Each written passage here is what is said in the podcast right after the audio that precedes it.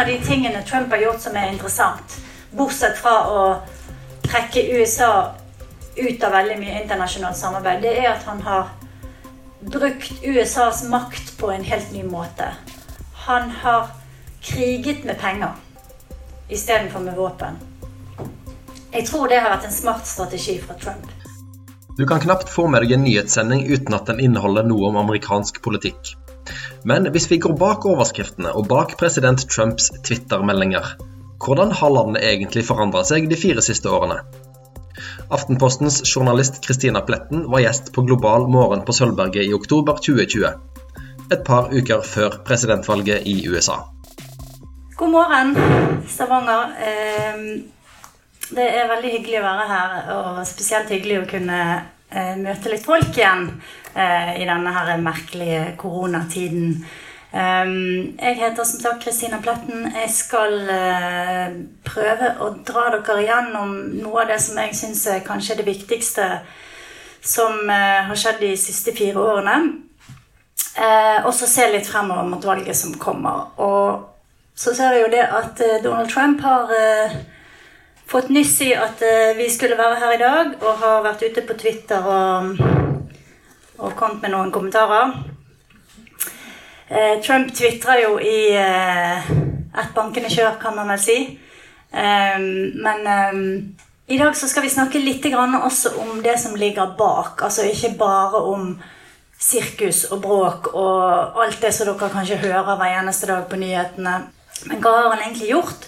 Og hva, hva slags Amerika er det han har etterlatt seg etter fire år i Det hvite hus? Vi klarer ikke å komme inn på alt, men vi har satt av litt tid til slutt til spørsmål. Og jeg håper at dere eh, ruger på noen gode spørsmål og deltar i en liten samtale til slutt. Det er veldig hyggelig. Eh, jeg vet at det er mange som lurer på masse, og det er ikke alt jeg eh, kan svare på, men eh, jeg skal prøve så godt jeg kan. En ting som jeg har oppdaget i eh, alle de årene jeg har jobbet med amerikansk politikk Det begynner å bli ganske mange etter hvert. Jeg har bodd i USA i 14 år. Eh, og har vel dekket nå fire, fire presidentvalg. Og en ting som jeg har merket ofte, er at det er vanskelig for nordmenn å forstå amerikanske velgere. Eh, det er vanskelig å forstå systemet, men det er også vanskelig å forstå hva er det som motiverer folk. Hva er det som rører seg i hodene deres? Hva er det som betyr noe når de stemmer?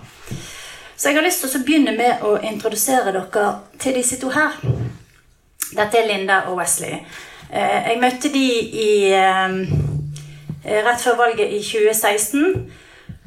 De bor i Michigan. Eh, som dere ser på kartet der oppe, helt øverst nord i USA, like ved Chicago. De er et ektepar på rundt 70 år. Og veldig sånn egentlig gjennomsnittlig på alle måter.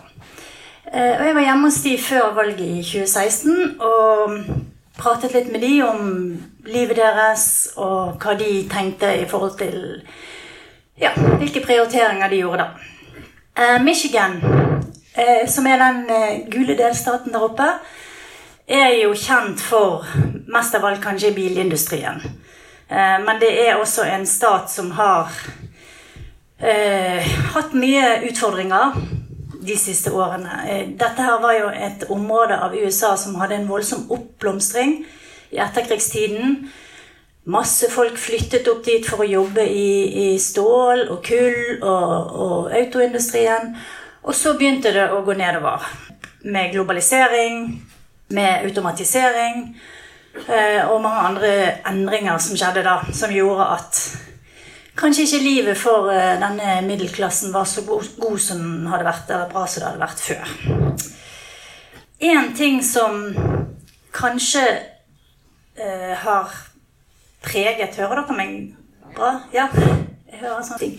Eh, en ting som kanskje har, uh, har vært det viktigste Den viktigste endringen i denne regionen, det er at de jobbene som de hadde der i etterkrigstiden, det var sånn veldig gode middelklassejobber som også hadde masse goder knyttet til seg. God helseforsikring, god pensjon, god jobbsikkerhet, sterke fagforeninger.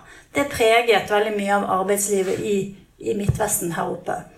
Og det var noe av det som forsvant når eh, industrien ble svekket. Altså, det forsvant ikke helt. Det er fortsatt en, del, eh, en god del jobber igjen f.eks. i bilindustrien.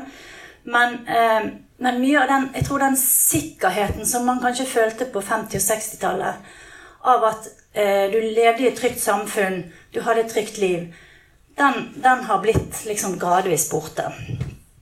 Og den store smellen kom jo i 2008. Det var på en måte dødsstøtet for en del av disse samfunnene her, med finanskrisen som da eh, liksom flommet inn over hele USA og tok kanskje spesielt knekken på de som allerede var litt svake eller svekket. Wesley her eh, er en eh, veldig fin mann. Han er født med cerebral parese, men eh, er sånn jeg vil si veldig sånn typisk amerikansk fyr som tenkte at dette skal, jeg, eh, dette skal ikke holde meg tilbake. Jeg skal ikke ha noen særfordeler. Jeg skal klare meg sjøl. Han klarte seg gjennom college. Han eh, traff Linda og giftet seg. De har fått eh, fire barn og masse barnebarn. Eh, og Wesley hadde også en god jobb i et sel eh, selskap som heter Amway, som er litt sånn som Hvis dere husker Ellos, som selger sånn, eh, solgte sånn postordre varer over hele USA. Og det var en veldig sånn stor hjørnesteinbedrift i Grand Rapids, der som de bodde. Eh, der jobbet Wesley i 36 år. God lønn, god helseforsikring. Ungene var tatt vare på. Alt på stell. Så en dag i 2009, da er vi ca. et år inne i finanskrisen, så blir Wesley kalt inn på kontoret til sjefen og får sparken på dagen. Det kommer en sikkerhetsvakt og følger han ut fra jobben han har jobbet i 36 år. Sikkert uh, omtrent ikke vært uh, uh, vekke en dag syk, kan jeg tenke meg. Eh, og Linda forteller da at når han kommer hjem, så er han helt hvit i ansiktet. Og hun forstår ikke hva som skjer. Hun spør er du syk. Hva skjer? Hvorfor kommer du hjem midt på dagen? Jeg har fått sparken, forteller Wesley. Og det var, tror jeg, en fryktelig eh, sterk opplevelse. Og det er en opplevelse som veldig mange amerikanere Og da har du samtidig et samfunn rundt deg som ikke føles så trygt lenger. Og du har den følelsen av at det å være, tilhøre en middelklasse, da, som kan ha et trygt og godt liv hvis du har en god jobb og, og jobber hardt, den er ikke lenger så sikker. Så frykten for å liksom falle ned i usikkerheten er veldig sterk. Og Wesley forteller at han gikk rett i kjelleren. Han eh, søkte på jobber, fikk ingen. Det var ingenting. Det var kjempehøy arbeidsledighet. Det var eh, dårlige tider. Eh, så han kjøpte seg sånn årskort på ishockey, eh, til ishockeylaget i byen.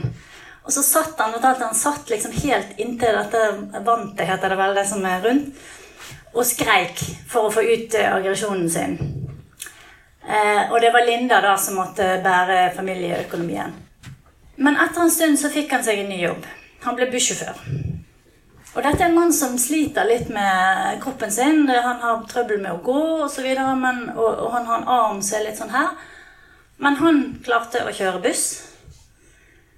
Han begynte klokken halv sju om morgenen. Jeg var med han en dag på jobb, faktisk. Han begynte klokken halv sju, og så kjørte han og hentet folk og brakte de til en sånn klinikk. Um, så hadde han mange timer opphold der han måtte bare sitte og vente. Og han hadde kjempelange dager. Han hadde halv lønn av det han hadde før. Og han hadde ingen goder. Ingen helseforsikring, ingen betalte sykedager, ingen betalt ferie. Nesten ingenting pensjon. Det er eh, tilfellet for fryktelig mange amerikanere. Så selv om de de mistet jobbene sine og fikk nye jobber, så fikk de ikke tilbake igjen den tryggheten og den statusen og den gode eh, ja, tryggheten som de hadde rundt livet sitt. Men allikevel så var disse her ganske fornøyde. De klaget ikke.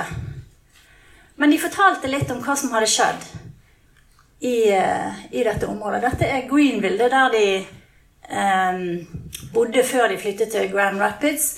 Greenville um, er en sånn liten uh, by, tettsted, i Michigan. Og det, det, de hadde her, det var en uh, Kjektrolux-fabrikk. På 90-tallet så undertegnet Bill Clinton en frihandelsavtale med Mexico som het NAFT.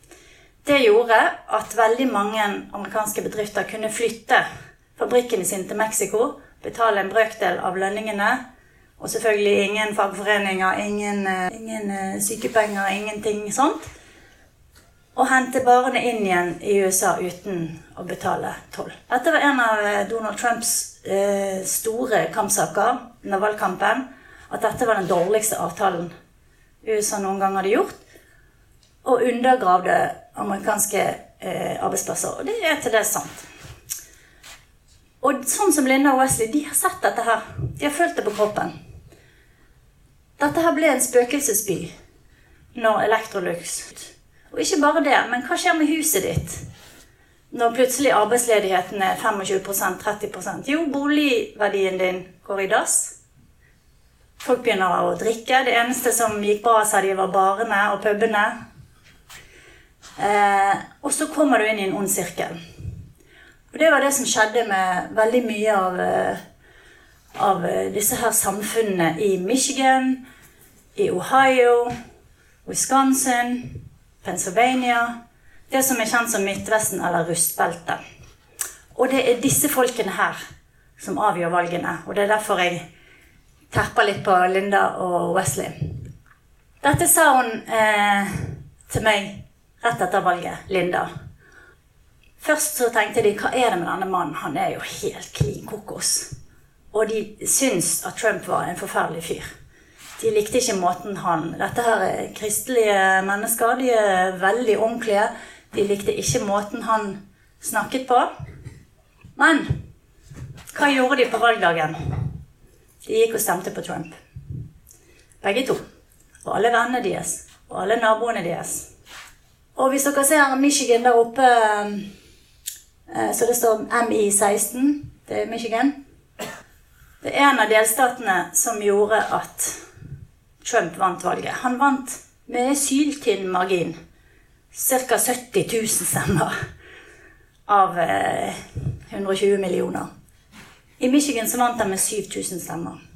Og det var de der folkene, sånn som Wesley og Linda, som hadde stemt på Obama ved forrige valg. Det var de som vippet det. Og i går så eh, snakket jeg med Linda og spurte hva tenker du nå? Hva tenker du etter fire år med Trump? Og det skal jeg fortelle dere på slutten, hva han sa. Men uh, for, å, for, at dere skal holde dere våkne, så skal jeg uh, spare på den. Men her er altså eh, resultatet av valget i uh, 2016. Og det er egentlig bare Illinois og Minnesota, de to blå der, som holdt på demokratene i, i 2016. Og alle de andre statene i Midtøsten gikk for Trump. Og det er eh, veldig, veldig vesentlig og viktig. Og det vil bli kjempeviktig nå, om tre uker, hva disse velgerne her gjør. Sendte, denne meldingen sendte Linda meg etter, eh, etter at um, hun hadde stemt. Et par dager etter så tok jeg kontakt og spurte hva var det, hvordan eh, stemte dere, og hva tenkte dere. Og det hun sier her, er, tror jeg er veldig typisk.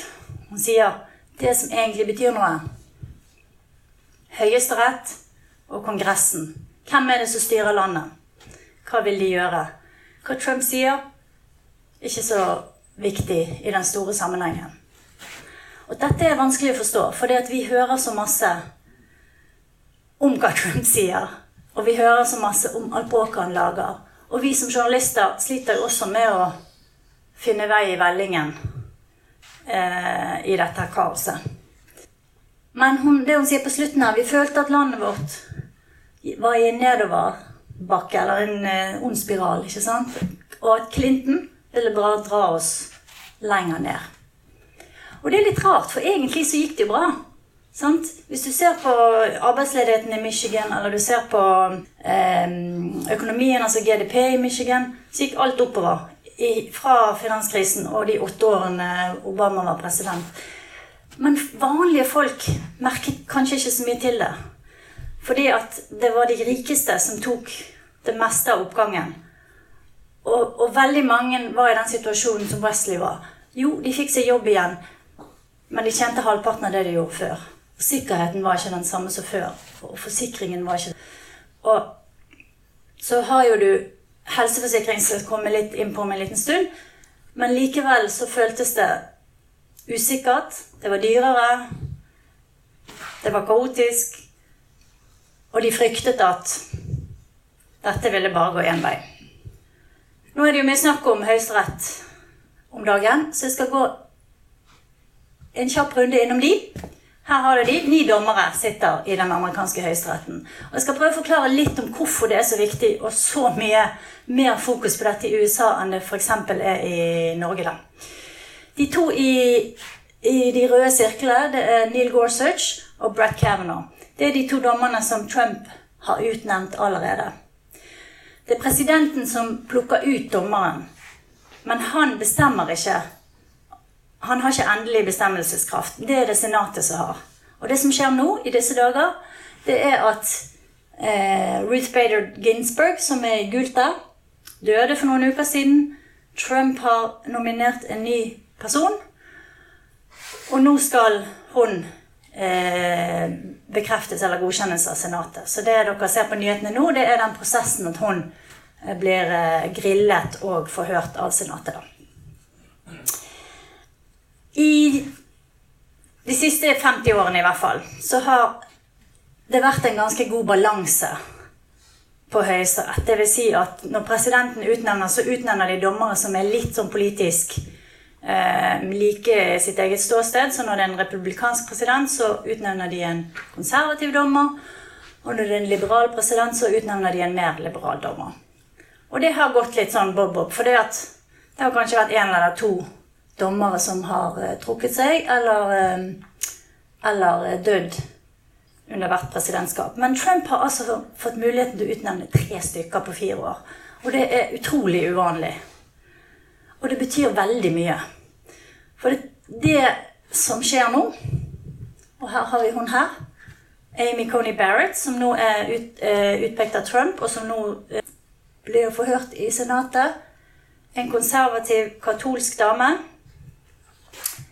hvis hun blir godkjent, som det ikke er noen grunn til at hun ikke skal bli, fordi at republikanerne har et solid flertall, eller i hvert fall et stort nok flertall i Senatet, så er det altså seks konservative dommere mot tre liberale.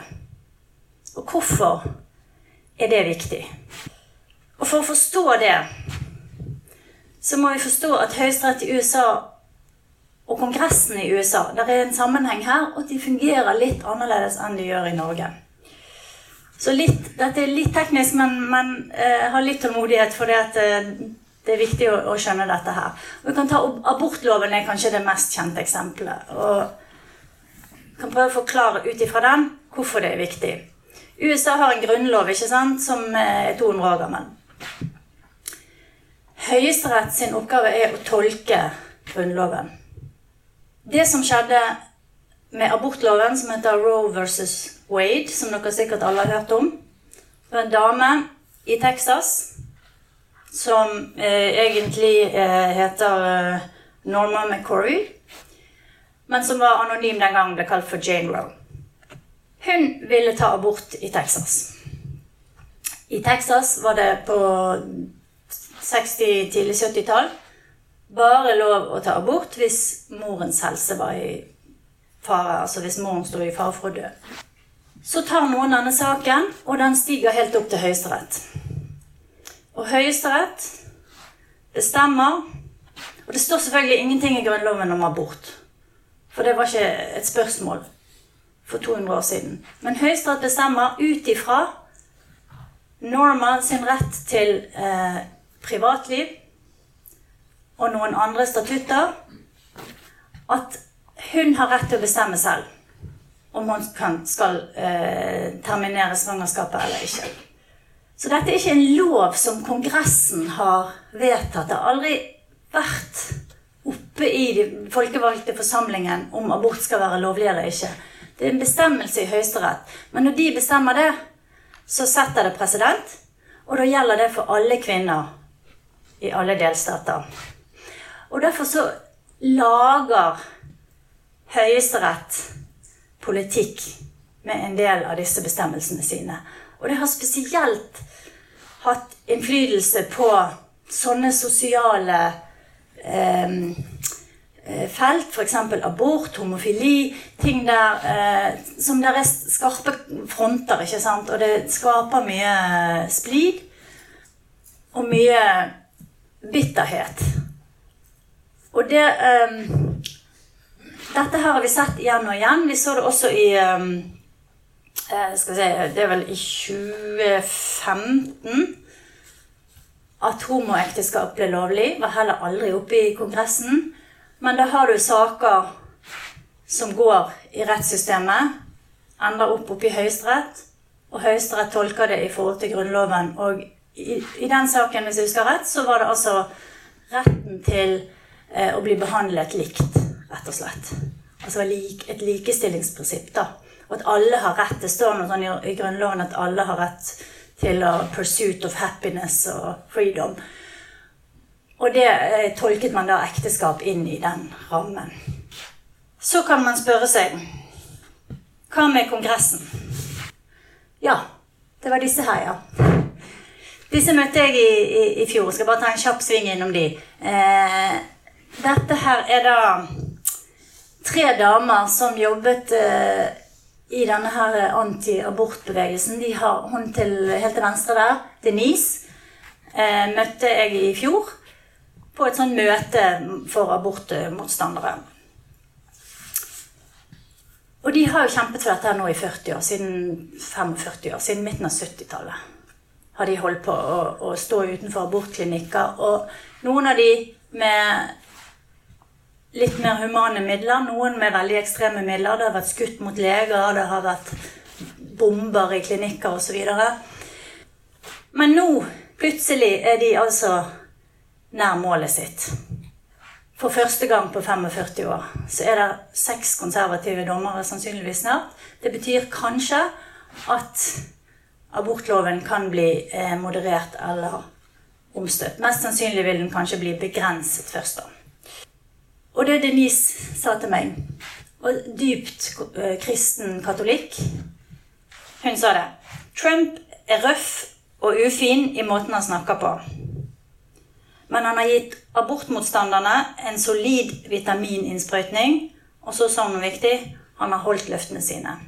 Trump har utnevnt ikke bare tre høyesterettsdommere, men haugevis av dommere i de to nivåene som ligger under, som også er føderale domstoler. Og de bestemmer mest. Fordi at de fleste sakene går aldri opp til Høyesterett, men de ender opp i circuit court, eller eh, det nivået under. Og da setter det også president. Og der tror jeg det er over 200 dommere som er nå eh, utnevnt av eh, Trump og det republikanske senatet. Og dette er kanskje det viktigste Trump har gjort de siste fire årene. For disse her sitter på livstid.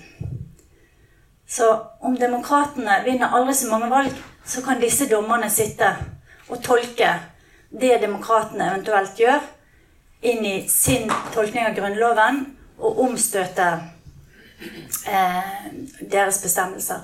Og det er den andre måten Supreme Court og domstolene preger det amerikanske samfunnet på. Hvis Kongressen mot formodning skulle klare å få godkjent en lov, da, som de, de klarer jo nesten ikke å få til noe fordi at de er så låst. Men hvis de skulle klare det, f.eks. Obamacare, helsereformen til Obama, så kan noen finne en sak, trekke eh, staten for retten og si vi er uenig i at Obamacare er i tråd med Grunnloven. Vi mener den er grunnlovsstridig. Så går disse sakene gjennom systemet opp til Høyesterett, og så skal Høyesterett bestemme.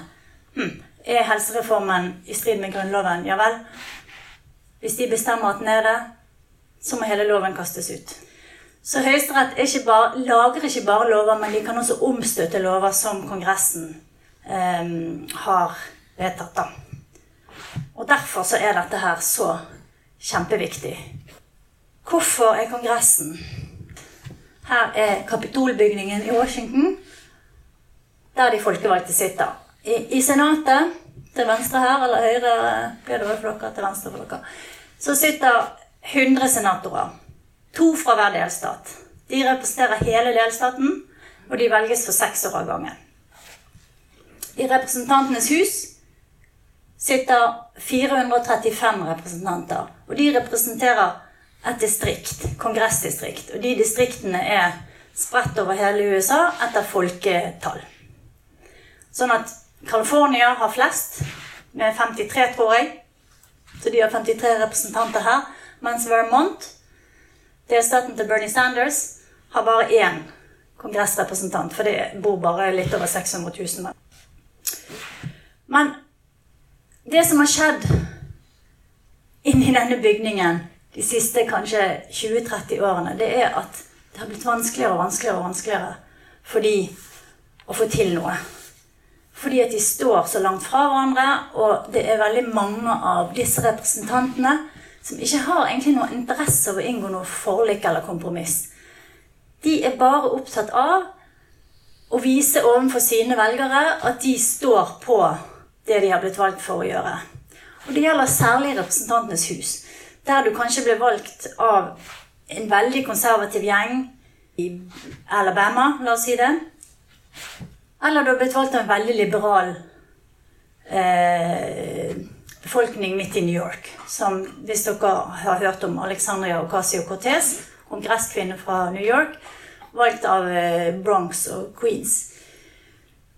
Så motsetningene her er veldig sterke, og det gjør at det er fryktelig vanskelig for dem å få eh, til noe. Jeg skal ta en bitte liten historisk avstikker tilbake nå til dette her. Dette er 1968. Lands, Demokratenes landsmøte i 1968. Det var en brudulje uten like. Dette tiåret er kanskje det viktigste hvis man skal forstå den splittelsen og polariseringen som vi ser i USA, og egentlig hva som førte til at Donald Trump til slutt satt i Det hvite hus, det begynner helt tilbake her. På 60-tallet Det begynte bra. USA og eh, økonomien gikk kjempebra. Eh, som jeg har vist med Linda og Wesley. ikke sant? Det var eh, områder der middelklassen hadde det bedre enn de hadde det i Europa. De hadde en høyere levestandard. De hadde lenger forventet levealder. Alle de markørene som tyder på at du har et sunt og bra samfunn. Hvis du ser på alle de kurvene, så skjer det noe på 60-tallet. USA og Europa, i hvert fall Nord-Europa, går i to forskjellige retninger. På 60-tallet eh, Det begynte jo bra. Så får du altså mordet på Kennedy. Så får du borgerrettighetskampen, som var et nødvendig oppgjør med rasisme, men allikevel fryktelig splittende. Og du har Vietnamkrigen. Og i 1968 Dette her er landsmøtet i Chicago. Utenfor her så står det 20 000 politimenn og eh, sånne nasjonalgardesoldater og beskytter området. Det er tullet inn i piggtråd.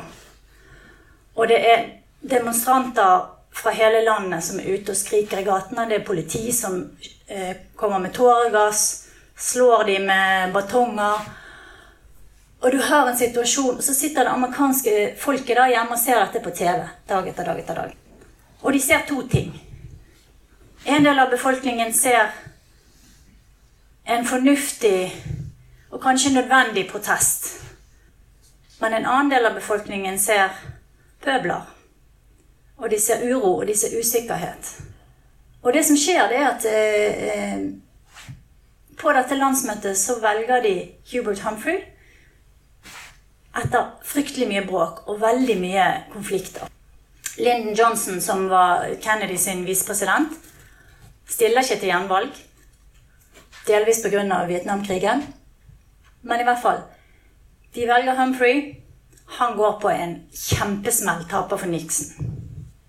Det som også skjer, er at sørstatene, de hvite sørstatene, den hvite arbeiderklassen der, de begynner å, å svikte demokratene. Før dette, hele etterkrigsperioden, så har de hvite sørstatene vært demokrater.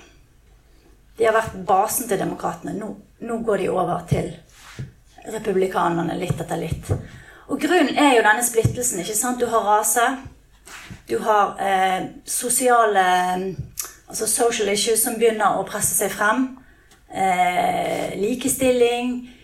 Homokampen begynner på denne tiden. Så du har en masse krefter som begynner å trekke samfunnet ifra hverandre. Og dette oppgjøret med rase er en av tingene som kanskje er, er, er noe av det som gjør at USA får en annen retning enn det vi fikk i Europa.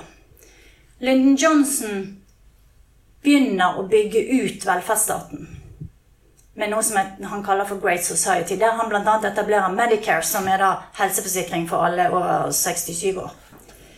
Men um, så stopper det der. Fordi du får også en motbevegelse som er kjempesterk, og som ikke vil ha noe statlig innblanding i folks liv. Begynner med Barry Goldwater i 1964, og en annen fyr som er på det landsmøtet, Ronald Reagan. Som blir en kjempeviktig drivkraft. Det som skjer etter dette her katastrofale landsmøtet, det er at demokratene bestemmer vi må gjøre noe med valgsystemet vårt. Vi kan ikke lenger ha um, et system der det er uh, partilederne som skal på en måte finne kandidater og, og, kjøre dette løpet. Folket må få bestemme. Så de utvider det som kalles primærvalgordningen. Sånn at nå, fra omtrent uh, 1970-72, så har de primærvalg i alle delstater. Så, så kandidatene må reise rundt i delstatene som vi nå har sett ikke sant, i primærvalget som var i, i, i vår. Og så er det folk som stemmer frem hvem som skal bli hvert parti sin kandidat. Og det endrer veldig mye. Og det er kjempeviktig. For det som skjer da, det er at de kandidatene som kan appellere direkte til velgerne med et spisst budskap, som er karismatiske, som har noe som liksom engasjerer folk, som engasjerer de mest ivrige partitilhengerne, da, som er de som stemmer i primærvalget, ikke sant? det er 20 eller noe sånt, de vinner. Og det er bare de første delstatene som betyr noe. Iowa, New Hampshire, South Carolina.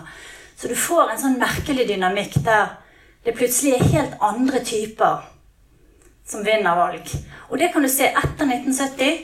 Så er det nesten bare de som profilerer seg sjøl som outsidere, som vinner valg. Carter var en outsider. Jimmy Carter.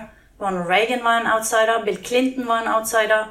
Eh, George Bush jr. var en outsider. Og Barack Obama og Donald Trump. Alle Jeg, skal, jeg kommer fra utsiden. Jeg, ikke, eh, jeg, har ikke vært 40 år i Washington. Jeg skal dra til Washington og rydde opp. Jeg skal fikse, fikse opp i dette her. Det har vært egentlig profilen fra 70-tallet og frem til i dag så har partiet likevel hatt en viss innflytelse, da. Fordi at eh, opp til for 10-15 år siden så måtte du ha partiets, eh, partiet i ryggen for å kunne eh, for å kunne vinne primærvalg, for det koster masse penger, og du trenger eh, organisering i alle delstatene og alt det der. Men det endret seg sånn cirka i eller ikke sånn cirka, men det endret seg i 2008. Og hva er annerledes i 2008 enn før? Jo, du har Internett. Så plutselig så kan, eh, plutselig kan politikere som ikke er partifavoritter, som kanskje har bare en veldig løs tilknytning til partiet, da, plutselig kan de komme inn og vinne primærvalg.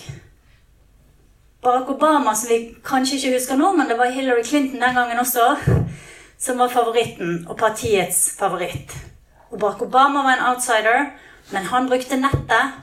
Og han laget sin egen organisasjon utenfor partiet og vant valget. Og Trump gjorde akkurat det samme som Barack Obama. Da var det jo Jeb Bush egentlig som var eh, i, i 2016 som var eh, partiets favoritt. Men eh, Trump brukte internett, sosiale medier, laget sin egen bevegelse på utsiden av, eh, av partiet og vant. Så vi ser en liksom eh, bevegelse fra 70-tallet og frem til i dag der partiet har mindre betydning. Eh, karismatiske kandidater som kan appellere direkte til folk, blir en mye større del av pakken. Og det Trump har gjort de siste fire årene, og også før eh, før valget i 2016, det er at han har brukt Twitter til å mobbe og presse andre republikanere.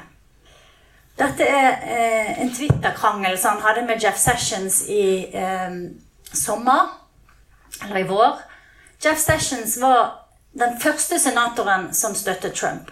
Før eh, det var liksom Stuereint hadde kanskje aldri vært, men det var i hvert fall før, før noen andre gjorde det, da, så la Jeff Sessions fra Alabama hodet på blokken og gikk ut og støttet Trump. Og han ble belønnet med eh, stillingen som justisminister. Så gikk det bare noen få måneder, og så surnet det. Bl.a. pga. Russlands etterforskning. Jeg skal ikke gå inn på detaljene der, men Donald Trump var rasende på Sessions, ga han sparken. I vår så, så, ville Sessions ha jobben sin tilbake i Senatet, så han stilte til primærvalg. Det Trump da gjør, det er at han bruker Twitter til å støtte den kandidaten som stiller mot Jeff Sessions i primærvalget i Alabama. Han heter Tommy Tuberville. Og her kan dere se eh, Trump skriver Tommy Tuberville er den sanne støttespilleren for MAGA, som er Make America Great Again, Trumps bevegelse. Og dette har Trump gjort i stat etter stat etter stat, og med alle som har prøvd å motarbeide han. Ok, hvis du skal motarbeide meg, Donald Trump, så går jeg inn i din stat, i ditt distrikt, og så støtter jeg en motstander. Og så mister du jobben din i Kongressen. Så han har tvunget partiet under tommelen sin i løpet av disse årene med akkurat denne taktikken her. Fordi at han har den bevegelsen han har utenfor partiet på nettet. Han har 95 oppslutning blant republikanerne. Så han har virkelig et jerngrep om partiet. Så det er utrolig viktig, og det kommer til å bli veldig, veldig, veldig viktig nå etter valget. Jeg skal snakke litt om det om en liten stund. Yes. Hva har Trump egentlig gjort? Han har hatt to store initiativ i Kongressen så han har prøvd å få gjennom to store lovendringer. Det ene var en skattereform. Det gikk bra. Det fikk han gjennom. Det, republikanerne liker å kutte skatter. Han hadde et godt team, første, et veldig godt økonomisk team det første um, året, som hjalp han med det. Det andre var også å få omstøtt denne helsereformen til Obama. Det klarte han ikke. Eh, der var det altså en dramatisk avstemning eh, i Senatet der John McCain, avdøde senator John McCain, og en av de få som turde å kritisere Trump, gikk ut på gulvet, gjorde sånn, og det eh, løpet var kjørt. Men hvis dere husker noe det jeg sa om Høyesterett Han kunne likevel Republikanerne har likevel en mulighet til å få omstøtt helsereformen fordi de kan gå gjennom rettssystemet. Og det gjør de nå. Og det har kjørt mange saker, ikke sant? og da prøver de på mange forskjellige måter med mange forskjellige innfallsvinkler. Og det kommer opp igjen nå, i løpet av vinteren, en utfordring til, eh, til Obamacare, helseforsikringen, som kan føre til da at selv om Kongressen ikke har klart å omstøtte den, så kan Høyesterett komme til å gjøre det. Og Derfor er det så utrolig viktig. Noen av Trumps valgløfter var eh, Fjerne handelsunderskuddet. Har han gjort det? Nei. Det er omtrent like stort som det var. Bygge mur mot Mexico. Og Mexico skulle betale for en kjempestor, flott mur. Har det skjedd? Nei. Han har fikset litt på gjerdet, og han har bygd noen, eh, noen kilometer med mur, men der står ikke en kjempestor flott mur fra kyst til kyst langs grensen til Mexico. Men han har likevel klart å få ned innvandringen, den ulovlige innvandringen ganske mye.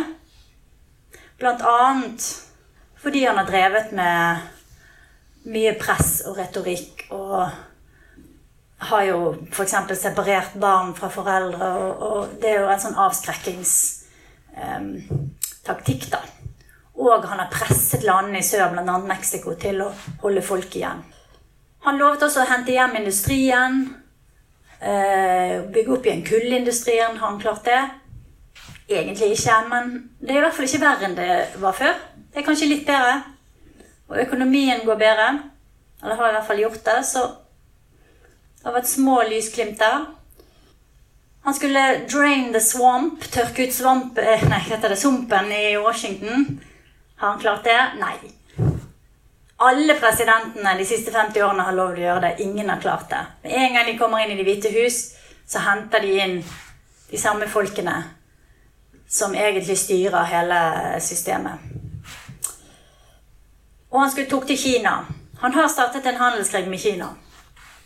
Hvor vellykket den er, det det, det, står jo fortsatt i stampe. Det han har gjort, er å trekke USA ut av utrolig mye internasjonalt samarbeid. Han har eh, trukket USA ut av Iran-avtalen, som heller ikke var eh, som heller ikke var godkjent av Kongressen når, eh, når Barack Obama gikk med på det. Og Kina Nei, uh, unnskyld. Parisavtalen. Klimaavtalen. Også den var eh, var, var Altså den var, gikk Obama inn i uten at, uten uten å ha Kongressen i ryggen. Trump som Obama har kjørt på med veldig mye presidentordre. Fordi at Kongressen ikke klarer å få noe igjennom, så kan presidenten skrive ut en presidentordre og si f.eks.: ingen muslimer får reise inn i USA, som var noe av det første Trump prøvde på. Også det kan bli utfordret i retten, og det har det blitt. Går opp i systemet, ender opp i Høyesterett. De bestemmer til slutt. Det Trump også har gjort, som kanskje er det skadeligste han har gjort, det er å øke splittelsen og egentlig smerten i det amerikanske folk. Dette her eh, er noe av det verste jeg har sett på veldig lang tid. Det er en mann som heter George Floyd. Jeg vet ikke hvor mange av dere som har sett denne videoen. Den varer i over åtte minutter. Politimannen sitter med kneet på nakken til George Floyd. Og vi hører denne voksne mannen rope på mamma. Og vi hører han si 'Jeg kan ikke puste'. Det var et fryktelig øyeblikk, men mer enn det, det var sånn utrolig symbolikk i det. For det var fysisk undertrykkelse. En hvit mann på en svart mann. Og det var ingen nyanser i dette her. Det var veldig åpenbart hva det var som foregikk. George Floyd døde og utløste utrolig mye bråk. Noe av det var støtteerklæringer. Folk som knelte overalt. Det skjedde i Oslo. Jeg var med på en demonstrasjon i Oslo der unge eh, norske demonstranter var ute på Karl Johan dette her er i New York. Da er vi liksom et par, to-tre uker etter George Floyds død. Over hele kloden her i England. Og på den ene siden så så vi På den ene siden så så vi demonstranter som ville ha rettferdighet. Som ville ha eh, Som ville ha vekk Ha bukt, endelig bukt med rasisme. Men også her, som jeg sa på 60-tallet så så folk forskjellige ting. Noen så en rettferdig kamp. Men noen så også pøbler og gjenger som brente ned butikker, som, eh, som slåss, som angrep politiet, som slåss med hverandre. Og media er med på å fremstille to forskjellige virkeligheter. Her er CNN sin dekning de har en sånn tag 'America in Crisis' som de hadde på alle sakene som handlet om George Floyd. Og de dekket alle disse demonstrasjonene rundt om i verden, i hele USA.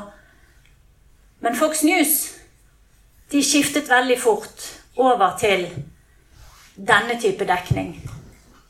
Her er Seattle. Folk som tar seg inn i, um, i rådhuset og fremstiller det som et slags kupp de prøver å ta over. Og deres tag, det var Seattle under siege. Og de kjørte på med denne type dekning av hvor voldelige demonstrantene var, hvor mye det var, eh, og at det var organiserte grupper som drev med eh, sånn målrettet ødeleggelse. Trump hang seg på og begynte med Twitter-meldinger om law and order. En annen president som har brukt akkurat samme taktikken, Richard Nixon i 1968. Law and order var hans motto. Og det var vellykket. Det vant han på. Jeg hadde egentlig tenkt å gå litt igjennom eh, hvordan det ser ut nå, men vi begynner å eh, gå tom for tid. Men her er status. De røde statene er stater der Donald Trump leder ganske klart. De blå er Biden. Og så har du disse brune som er sånn Kan gå begge veier. Foreløpig så ser det veldig bra ut for Biden. Trump har bare 77 av eh, 538 stemmer, som er altså valgmannssystemet. Så ut ifra meningsmålingene så ser det eh, mørkt ut for Trump. Men hva sier Linda? Her er meningsmålingene som slik det har utviklet seg, da. Hva sa Linda i går? Har ikke sett et eneste skilt for Joe Biden. Hennes naboer, hennes venner Alle skal stemme på Trump. Folk kjører rundt med flagg på bilene. Så sa hun at ja, han er fæl. Jeg liker ikke sånn som han snakker, men han er likevel den som representerer det som jeg bryr meg om. Det hun også fortalte, det var at hun har en venn. Hun har en butikk downtown Grand Rapids. Og når disse demonstrasjonene foregikk i sommer, så sto han inne i butikken med gevær for å beskytte businessen sin mens protestene raste ute i gaten. Og hun drev og tekstet med dem og var bekymret for dem. Så de ser den siden av saken. De ser ikke eh, rasister, men de ser eh, pøbler. Folk som truer tryggheten deres, som allerede er truet på veldig mange forskjellige måter. Eh, hun skrev at det er unge folk som tror de eier verden. Det var hennes beskrivelse av demonstrantene. Og det kan du se. Dette er nå øyeblikkelig ferdig. Eh, her er meningsmålingene i Michigan. Og her kan vi se. Her omtrent er, begynner opptøyene, og du kan se at Trump egentlig vinner på sin law and order-strategi ganske lenge. Helt til det begynner å rakne for han, og det har jo mye med koronahåndteringen å gjøre, som vi ikke har fått kommet så mye inn på nå. Den hopper vi fint over. Hva er viktig nå? Korona kommer til å bety mye. Republikanerne klarer ikke å komme frem med et alternativ til helsesikring. De har hatt fire år på seg, men de får ikke det til. Det er også en viktig poeng. Fake news, konspirasjonsteorier. Trump har spredd skadelig informasjon under eh, koronapandemien om eh, smittevern. Sånne ting. Og så er det jo dette her som vi har snakket mye om i dag, da.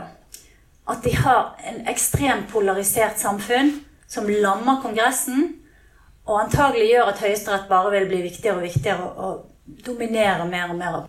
Og så frykter jo mange for hva som vil skje etter valget. Vil Donald Trump akseptere hvis han taper? Og der er det kanskje viktig å huske på hvordan han har behandlet sine egne partier. Hvis Trump nekter hva vil alle disse partimedlemmene som sitter i Senatet og Kongressen, gjøre? Vil de støtte han, som har truet de og mobbet de gjennom fire, fem, seks år? Jeg snakket med en republikaner her for et par dager siden som er en av de som er, er, jobber mot Trump. Han sa det alle hater han. Og de fleste av de vil juble dersom han taper. Og det kan nok være det som gjør at vi ikke vil få en situasjon um, at vi ikke får en situasjon der Trump får støtte da, til et slags eh, opprør som undergraver valgresultatet. Da er vi der. Er det noen som har spørsmål? Ingen spørsmål er for dumme. Jeg ser morsk på dere mens dere spør. Jeg lurer litt på dette med valgdeltakelse. Ja. Jeg bodde i Houston i 1980 når Reagan ble, ble valgt. Og da var valgdeltakelsen under 50 mm. Det vil si at Reagan ble valgt med under 25 mm. Du har ikke snakket noe om det, men ligger det et potensial der? Ja. Um, valgdeltakelsen i 2016 var rundt 55% Så det er jo sånn at det største partiet i, i USA, det er de som sitter hjemme og ikke deltar. Eh, og hvis du også ser på hvordan de er spredt, så er liksom republikanere, republikanere og demokrater er mindre enn den gruppen som regner seg som uavhengig. Det som eh, blir sagt om valgdeltakelsen nå, er at det, har vært veldig mye forhåndsstemmer. Til tross for at Trump eh, har vært ute og sagt at folk ikke må sende inn stemmer på, med posten og sånne ting. Bortsett fra i Florida. Der må de sende det inn. Ehm, det har vært lange køer for å forhåndsstemme i mange stater. Og mange delstater har jo utvidet muligheten for å stemme ganske kraftig. da, Så de begynner mange uker i forveien og kan, og kan få avlagt stemme før valget. Um, så det ser ut som det kan bli ganske høy valgdeltakelse. Men du har korona. Du har masse eldre velgere, det er de som stemmer aller mest i USA som i Norge, tror jeg. Eh, vil de tøre å gå til valglokalene midt i en pandemi og stå i kø med masse andre folk i kanskje fem-seks timer, som de ofte må mange steder? Det er vanskelig å, å, å, vite svaret på det. Men sånn som det ser ut nå, så, så vil det bli en høy valgdeltakelse. Det var det også i 2018. Var det, var det ganske bra, altså du, at uh, Trump han ble smittet av korona. Kan, kan, det være et skuespill? Eh, jeg, jeg, tenker at uh, det er uh, At jeg stoler på legene, og jeg stoler på, så langt jeg kan, på ting som kommer offisielt fra Det hvite hus. Til det motsatte er bevist. Jeg synes det, det er En av de tingene som har vært fryktelig vanskelig disse fire årene, det er hvordan vi skal behandle den, dette informasjonskaos som har kommet. Og eh, for meg og for Aftenposten, vi diskuterer veldig mye eh, hva skal vi dekke, hva skal vi ikke dekke. Og dette er en av de tingene som jeg har eh, vært ganske tydelig på at jeg syns vi ikke skal eh, snakke om eller skrive om i Aftenposten. Fordi at det sprer en idé om at, at Ikke sant? Så eh, så det, det, det, er mange som spør seg om det, men jeg tenker at uh, så lenge det ikke er noe fakta eller bevis på det, så, så er det heller ikke noe å snakke om.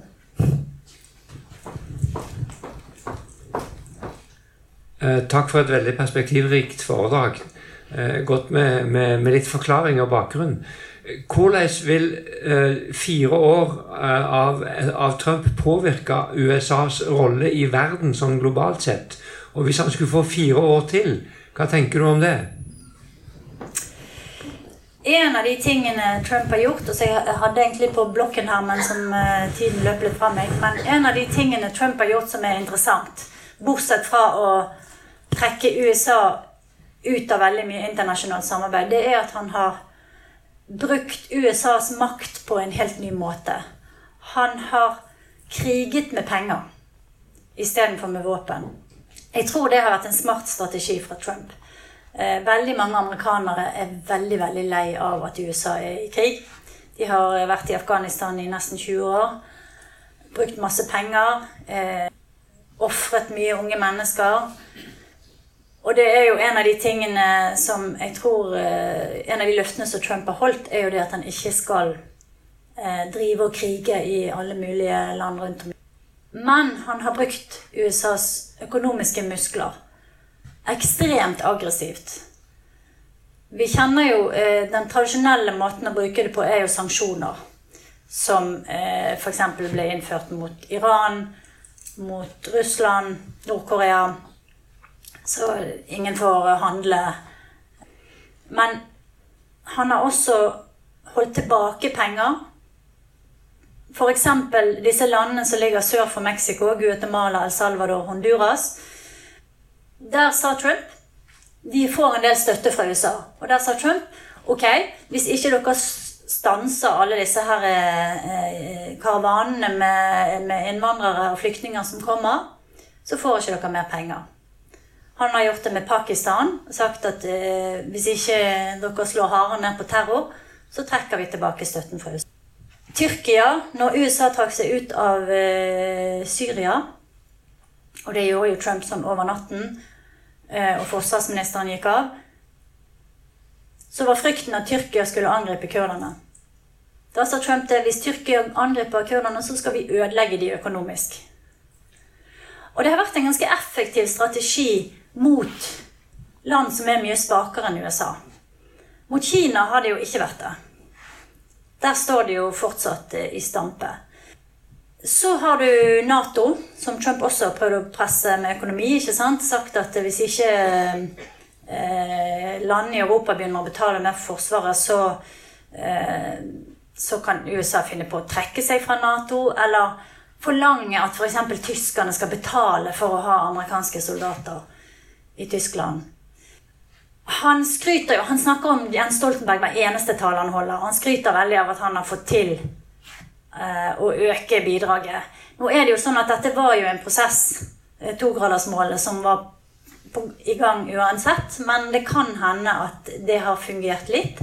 Hvis du snakker med folk i UD f.eks., så sier de at det de ser, er egentlig det motsatte av det vi hører. Altså, De ser et tettere samarbeid, og de ser at amerikanerne stiller eh, er mer engasjert, i hvert fall på militær side, i Europa. Um, så jeg tror det er litt sånn delt hva som er Hva som vil være um, Hva som vil være effekten av fire nye år.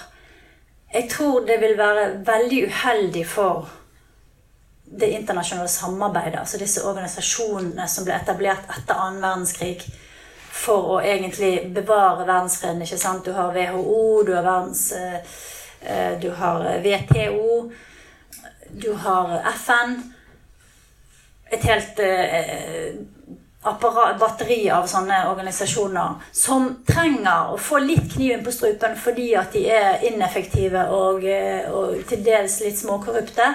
Men likevel så eh, spørs det om Trumps tilnærming eh, hjelper på det. Um, USA har jo også Det veldig mange er bekymret for, er jo USA sin, sin, sitt rykte og renommé i verden, der, som jeg tror han har gjort ganske stor skade på. Så kan man jo tenke at kanskje det eh, Kanskje det er i hvert fall en viss sånn silver lining i at han er såpass, har vist seg å være såpass eh, tilbakeholden med militær, eh, militær aktivitet. Eh, John Bolton, som var sikkerhets, nasjonal sikkerhetsrådgiver en stund, ivret jo veldig for å angripe Iran. Og da satte jo Trump ned foten og presset Bolton ut. Så han har på en måte stått imot de som har vært rundt han og inne der for å, for å presse på der, da.